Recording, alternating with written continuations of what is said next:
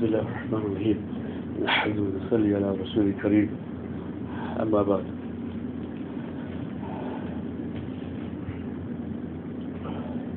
low now, proceed here.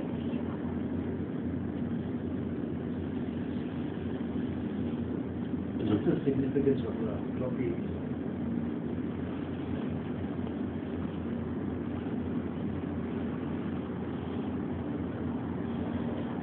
First of all, the, the we had, whether it is proven in Islam and whether we should wear it. So now this is Alhamdulillah the Hajj season, a lot of people are going for Hajj. The people want to know, okay, if it's their way, in which hadith? One Sahabi was going for Umrah and it comes in Bukhari and it comes in the section of Ihram of Umrah. Umrah is the first uh, chap- the chapter of Umrah, subsection Ihram. The Sahabi asked the Nabi that, Ya Rasulullah, going for Umrah. Uh, what can I wear in Ihram? Whilst I'm in Ihram, what I can wear? So Nabi Akram told him not what he can wear, Nabi Akram told him what he cannot wear. What he cannot wear. So Nabi Akram told him that you cannot wear a kurta. You cannot wear a trousers.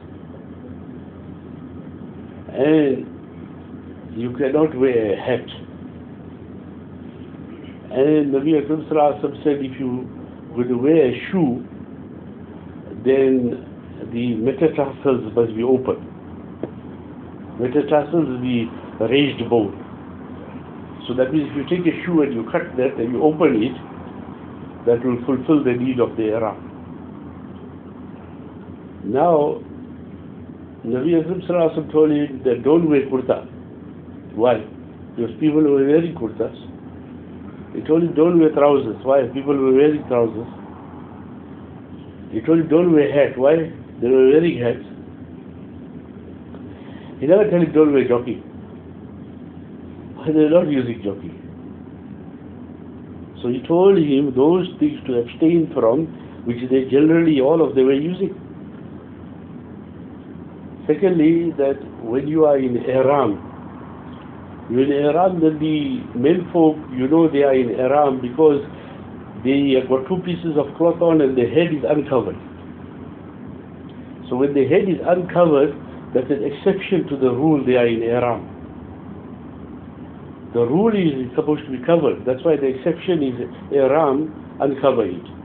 Like how for the lady, the exception to the rule is when she's in Ihram, her face is open. The rule is face supposed to be closed. These days you get this no, new uh, hijab. You get all these uh, websites also. And uh, they call it hijabi. You see them walking around too. That they got uh, tight trousers on, a tight, uh, uh, what you call skipper on, everything showing. And they got one scarf on the head and one bun on the head. They think they full hijab.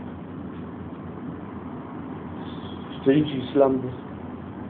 Thirdly, that Hazrat Umar radiallahu when he took over Syria, then he wrote letter to his governors there. This comes in Sirat al-Mustafa Maulana Idris Kandhlawi Rahmatullah writes that letter of Hazrat Umar radiallahu anhu is telling the governor that Muslims must behave and dress in a particular manner and the zimmis, zimmis what you call those who are under protection of Muslims. They must dress differently. And they he writes that the zimmis, that they must not wear hats. They must not wear hats. Who must wear hat? Muslims must wear. So it's our identity. To identify a Muslim, this hat. Fourthly, Bukhari comes, Hazrat Hassan Basri Rahmatullah alayhi says that we should use our head, heads as pillows.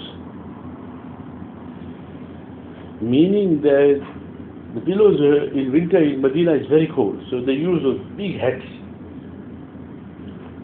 And when they go to sleep, they take the hat and put it down and sleep on it. Like now the Russians wear those big hats. In Medina it gets very cold in winter, so they were using the hats as pillows. Fifthly, that in Hayat Sahaba it comes, Hazrat Abu Bakr ta'ala who says, I feel shy to go into the toilet without a hat.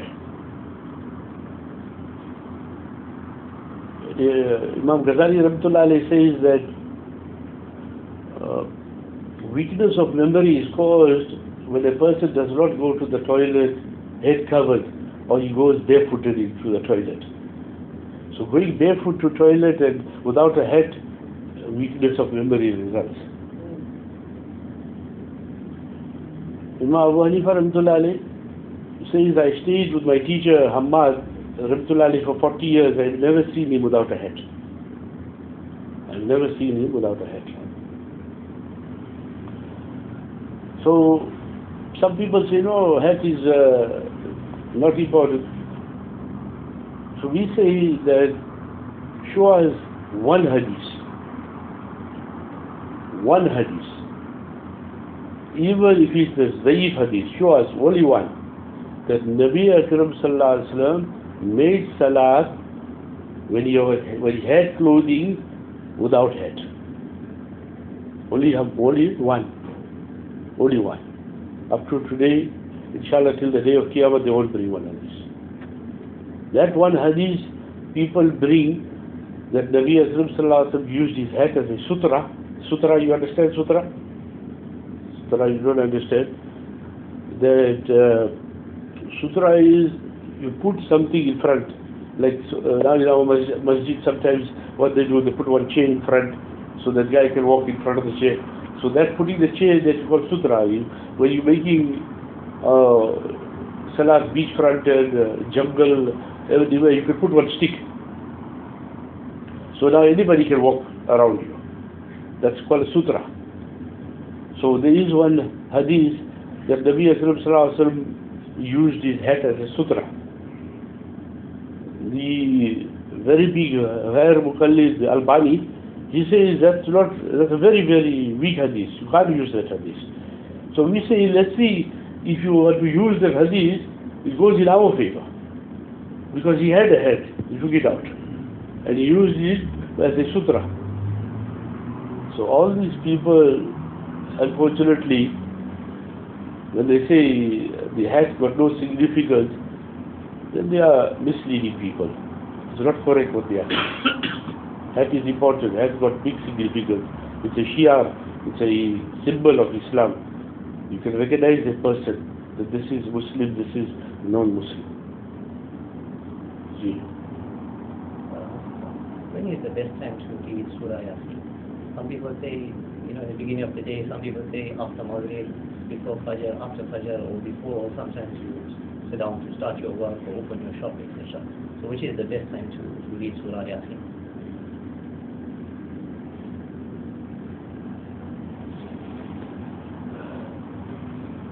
Surah Yasin should be recited in the morning and in the evening. In the evening meaning after Maghrib. That means before retiring to bed. Before retiring to bed will mean after Maghrib. And uh, in the morning. Hadith is clear that you recite Surah Yasin in the morning, then Allah Azza wa will fulfill all your needs. Hadith is stating that in the evening you recite, Allah Ta'ala will protect you from all calamities. And it's very easy to read Surah Yasin. So when we say, like for example, recite Surah Waqia before retiring to bed. So Surah Waqia you read, you will read after Maghrib, no problem. So like we say, read Surah Kahf on the Jummah. Jummah means after Maghrib. Not necessary after Fajr. People think now you must read uh, Surah Kahf after Fajr. But after Maghrib, Jummah setting already. Now we are sitting here, Jummah setting already. Because the, in Islam the night comes before the day. So after Thursday, English Thursday sunset, Juma is setting. So if you have read, like for example, I have read it already. I've read already uh, Surah Dukhan and Surah uh, already have done. And all the nightly uh, surahs done already. So that's permissible. Why? Because uh, when you go into your house, maybe uh, sometimes when you get free time to do what you have to do quickly, nicely. So both times, uh, both twice. Generally, people think Surah Yasin uh, is only after Fajr, and also don't read it that okay, you know what, I'll make a lot of business. Don't read it. That will come automatically, inshallah. That will come automatically. But don't say, no, I but do it like this. Like for example, Surah Waqia, the Nabi Akram said, if you read Surah Waqia before retiring to bed, then inshallah poverty and famine will not enter your house. Now, uh, Hazrat uh, Usman radiallahu ta'ala anhu, he went to Hazrat Abdullah bin Masud radiallahu ta'ala anhu. When Hazrat Abdullah bin Masud radiallahu ta'ala anhu was about passing away. And Hazrat Abdullah bin Masud radiallahu ta'ala anhu had a lot of children. So Hazrat Usman was the Amir Mu'mineen that time and he was very wealthy himself. So he took a lot of money and went to him and told him, see, I want to gift you this. So that when you die, it will go in your part of your inheritance and your children will get inheritance. So it's really a good action. Hazrat uh, Abdullah bin Masud radiallahu ta'ala said, no, I do not want it. Because I have taught my children to read Surah Waqia before going to sleep.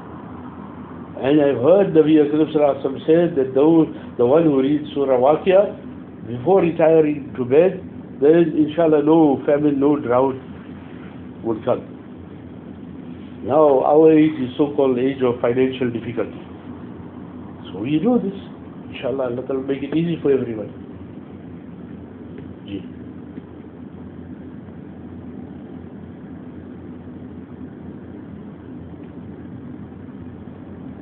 Say. Uh, yeah, I was listening to a lecture on the internet and the speaker uh, said something about, he showed a measurement of, uh, of how much water to use when making wudu. Now you always tell us that it's better to make wudu at home than at the masjid. So when at home, how much, what is the most correct amount of uh, water to use?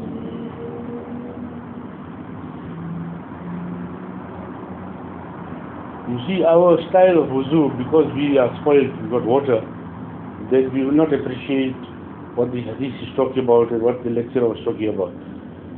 That in two jugs of water is supposed to be ghusl. Uh, maybe, in, uh, maybe in three liters of water, you're supposed to make you ghusl, forget wuzu. So, and I've seen it uh, uh, being done by the Somali brothers, uh, brothers from Ethiopia in Arafat. I've seen it, how they do it. And if you look at them how they do it, we can do it too. Very easy it is done. But you see the problem is that we are accustomed to a flowing tap. Now, so what we say that respect the water, make it uh, sparingly, minimum water. That is why the ulama have written one masala that even if you are on the edge of a flowing river, then you should not make israf, you should not be lavish or extravagant when you you uh, you make wuzu. You still should be using it sparingly. So what that lecturer uh, here, this point of that lecture, I don't know him, but this point is correct that we should use minimum water, minimum.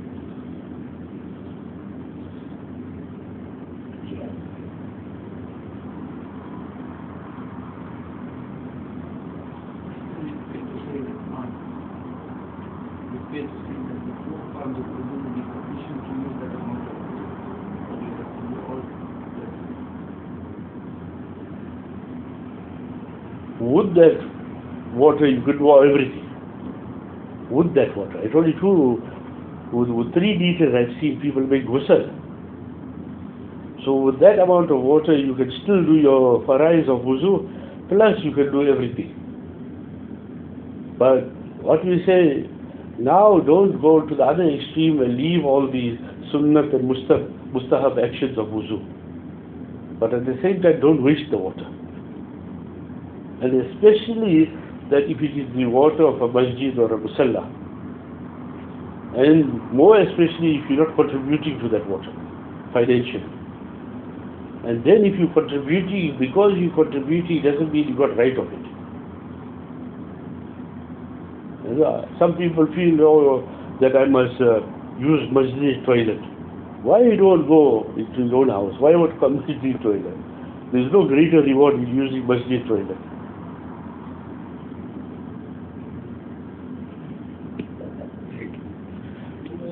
Yeah. Uh, I know this question is pertinent, but I was speaking to a, a friend of mine this afternoon who's in his late 60s. He's a, uh, alhamdulillah, a, a, a, a good person. He's having a major problem with his eyes.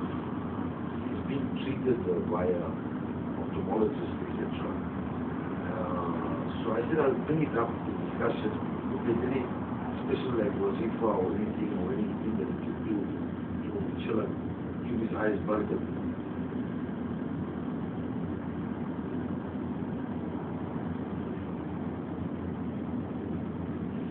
Generally, if you notice that after Farz Salat, we do few things. And then we holding our head. We holding our head and we really, Ya Hafiz. So Allah Ta'ala increases memory. And then we blowing on our fingertips and we passing on the eyes. Before that, we are reading Ya Nuru. Ya Nuru. And we blowing on the fingers and rubbing on the eyes. You can do that.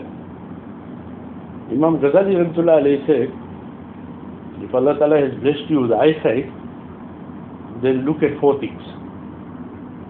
Kaabatullah, Rosa Rasulullah, Kitabullah, Awliya Allah. کابت اللہ you understand کابت اللہ روزہ of رسول صلی اللہ علیہ وسلم you understand you look at روزہ of نبی اکرم صلی اللہ علیہ وسلم وائی گیٹ ریمائنڈر آف نبی اکرم صلی اللہ علیہ وسلم کتاب اللہ قرآن کریم لاٹ آف حکم آئی کتاب Allah is very good look at کتاب اللہ فائی سائڈ اینڈ اولی اللہ اولی Allah the friends of Allah friends of Allah doesn't mean some person whose what you call floating uh, you know, around or is walking on water. You look at some pious person. Pious person definition, one person you look at him, he reminds you of Allah. When you look at him, he reminds you of Allah. Look at that person. Uh, Ibn Qayyum has written in Zadul Mad that look at the color green. It will help you in your eyesight. Look at color green. Also, some uh, uh, Hakim say that walk on green grass. Walk on green grass.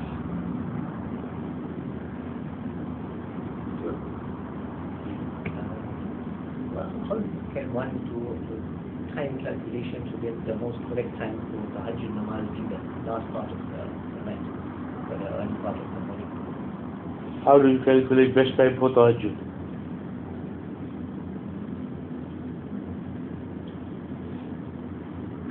That that portion which is nearest Sehri, that portion which is nearest Sehri, take Sehri time and take 20 minutes from there. That's the that's the time. See, let's say uh, to to make things uh, understandable, let's say Sehri is cutting off 5.20, right? 5 o'clock, start 5 o'clock your tahajjud. So that means you'll make tahajjud from there till 5.20. That's the best. Yeah. We as Muslims, when we talk about Salah, we say we will read our Salah. But if you look in the Quran, uh, Allah talks about is establishing Salah. What's the difference between heat and expansion?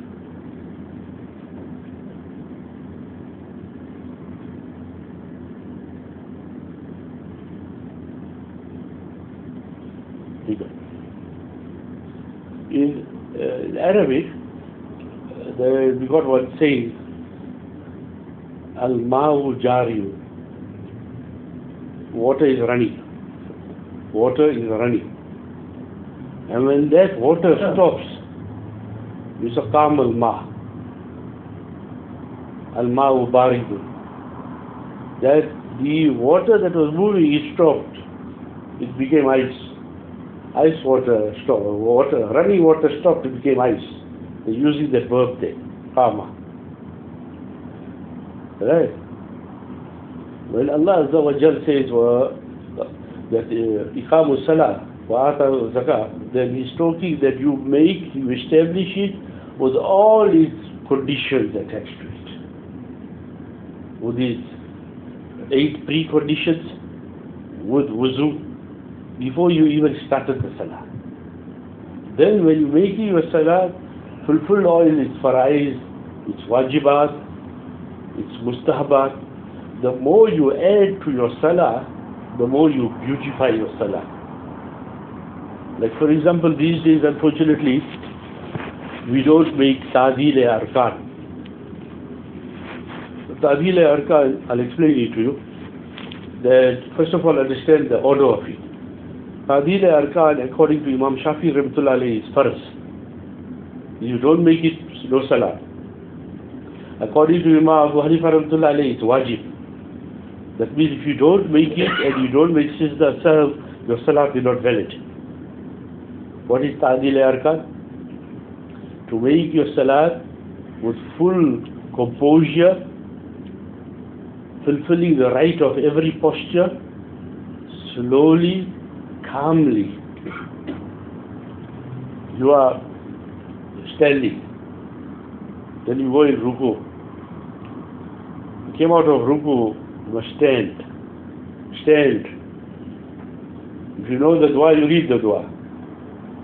ربنا لك الحمد حمدا كثيرا طيبا مباركا فيه if you don't know the, the, the dua just stay stay like that you go into sizda when you come out of sizda in between two sizdas pause you know the dua read it don't know pause then go you don't do that then your according to Abu Hanifa rahmatullah that's wajib that you don't make sajda salam, your salat is gone. This is what ikamu salat means. Establish salat.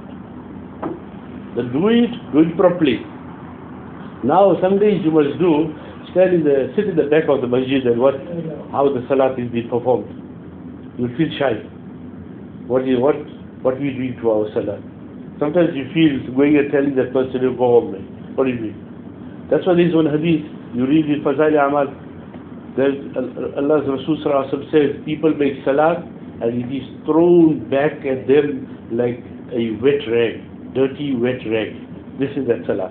Up, down, up, down. I don't know what's the rush? Up, down, up, down. So that, when Allah Azza wa Jalla say Ikamu Salat, that this is it. Slowly, carefully, calmly. Instead of making four, make two. See, I'm clear about this. Instead of making four, make two nice ones, proper ones cool, calm, collective. Enjoy it. Salat you must enjoy.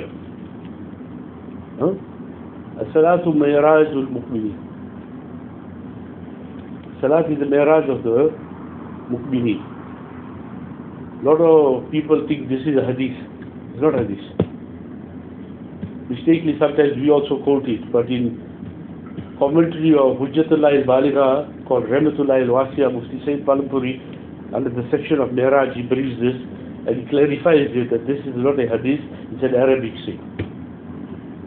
But nevertheless, why it's called a Miraj? What Allah Ta'ala did in Miraj, He was talking to Allah Ta'ala. So when we come into Salah, we are talking to Allah, we are conversing with Allah. Now when we have to go to some person, especially if you're going to your boss, you casually looking here, there, and everywhere, asking for a raise, He'll give you one kick and send you home. But if you focused, proper, present your case, motivate it, talk nicely to him, you got your raise. So we don't regard our salat like that. We're talking to Allah Ta'ala, we're pleading to Him. So if you do that properly, Allah will help us. Allah is there waiting for us. We must plead to Him.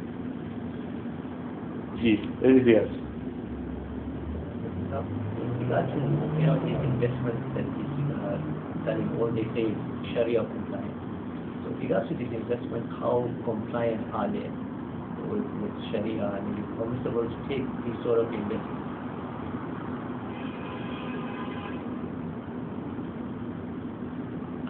These days, in order to sell any product, you must say Sharia compliant. In order to eat anything, you must get some halal authorizing body to say it's halal. And most of these halal authorizing bodies are commercial enterprises. They are cartels, mafia cartels. This Sharia compliant word, uh, unfortunately, is like this word sale. This word sale is like sold. So every other person who wants to sell his product, he gets hold of some muftis, I don't know how much he gives money, and then he gets his certification. Understand some very basic laws about investment. That when you have any transaction, the guy must not put so much conditions on you that you give so much of collateral that, that that person who's investing his money cannot suffer a loss. In Sharia, when you have what they call mudaraba, then when there is one person's capital, another person's effort, there has to be concept of profit and loss.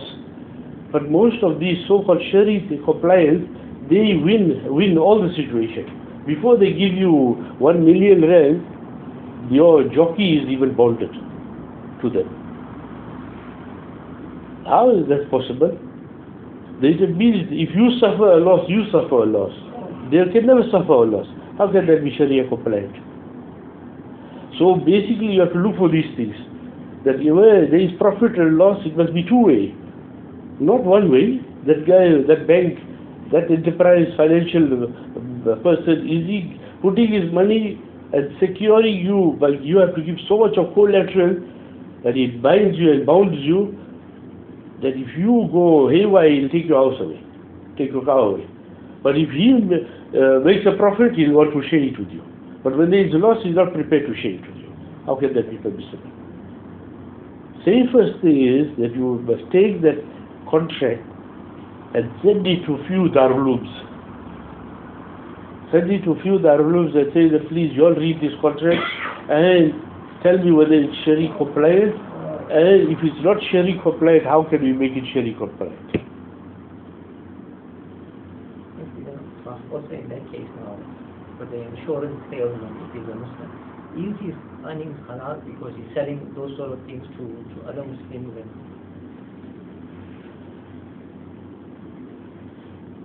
As long as you're not selling life insurance, then we are of the opinion that temporary insurance is permissible in the political atmosphere of our country.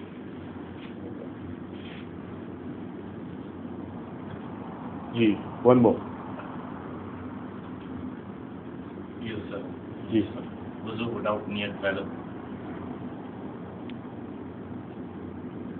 According to Abu Hanifa Rahmatullah it is valid. So technically speaking that if a person fell into the pool or fell into the river is better or swam in the ocean then and water went into his nose and mouth wuzu is valid. Forget wuzu, ghusl is valid. Ji. Sir, there's a new thing coming up, came up now. That everybody thinks this is a Khilafat, and that's Khilafat, that's Khilafat. There's really a Islamic Khilafat based on what based? Talking about ISIS.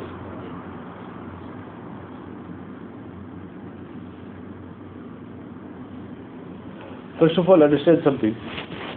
That whether ISIS is good movement, bad movement, then I don't know. But one thing I know, that he made mistake by declaring he's a Khalif. Abu Bakr al-Baghdadi, he declared himself Khalif. That is completely erroneous. Because in declaration of Khilafat, you have to have some sequence, some procedure, some protocol. You cannot just declare I'm Khalif. So the methodology utilized to become a Khalif, uh, that is completely not Shari compliant, is dubious. But as far as that movement is concerned, time will tell whether they are a good movement, bad movement, because remember propaganda machinery is in their heads, enemy's heads. So they want us to hear what we, what they want us to hear. They want us to see what they want us to see. We are stuck. I give one small example uh, all the time. There, if something, we are here, and something happens in uh, Masjid al-Hilal, in the car, car park of Masjid al-Hilal, Isha time, if someone punches someone, by the time it reaches your house and my house, you all know who hit who. And you all know who is the culprit uh, and what happened. And then when you interview the people who actually did the hitting and getting the hiding, they'll also be confused. Hadith of Rasul says that towards the latter part of time, people will be killing and getting killed. The killer won't be knowing why he's, getting, he's killing, and the killed won't be knowing why I'm getting killed. Hadith of Rasul So now, we'll, just up the road, we don't know what's happening. Now, thousands of kilometers, what we know what's happening. There's some strange things that are not uh, uh, adding up. Then how come 50,000 soldiers walked away? How come 50,000 soldiers left their equipment and walked away? Uh, how come uh, they left the tanks and the modern uh, equipment and walked away? How come they're just allowing them to move through so quickly, so swiftly? Now, uh, uh, all of a sudden, why are they bombing them? Who's bombing them? So, who's playing which game? We don't know what is happening. But, uh, like, uh, what you call, uh, we have to return to Allah Ta'ala, make inabat to Allah Ta'ala, especially in our country, that we mustn't think that we are very safe here. We should all the time look, making salah, giving charity, pleading to Allah, crying before Allah, helping others, being well, well, uh, well wishers of others, and Allah Ta'ala will help us. We mustn't think that we're so good Muslims, nothing can happen to us. South African Muslim at the moment is under a misconception that we all are Jannatis, the rest of the world is going somewhere else. It's a very bad concept we got. We should get a wake up. Should not wait for punishment. We should start and be too good in classifying people. That man is like this or that man is like that. Worry about ourselves. Every one of us, and first in the line, that we are full of, we are sinners. We must recognize. See, Um, uh, these days, most of us got the application, the Quran application on our cell phone. Even if the application is not open, can you go into the toilet with your cell phone or should you? Now, explain to me now, when you got a, when you got Quran on your cell phone, you got an app. Now when you press that app, then that, that Quran comes forward. Now if you don't press that app, the Quran stays there. It's in the back. So unless you activate it, then it comes. So as long as it's not activated, you can go inside the uh, toilet with it.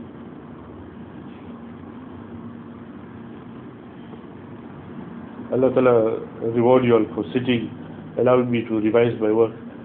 سبحان الله وبحمده سبحان الله وبحمدك نشهد ان لا اله الا انت نستغفرك ونتوب اليك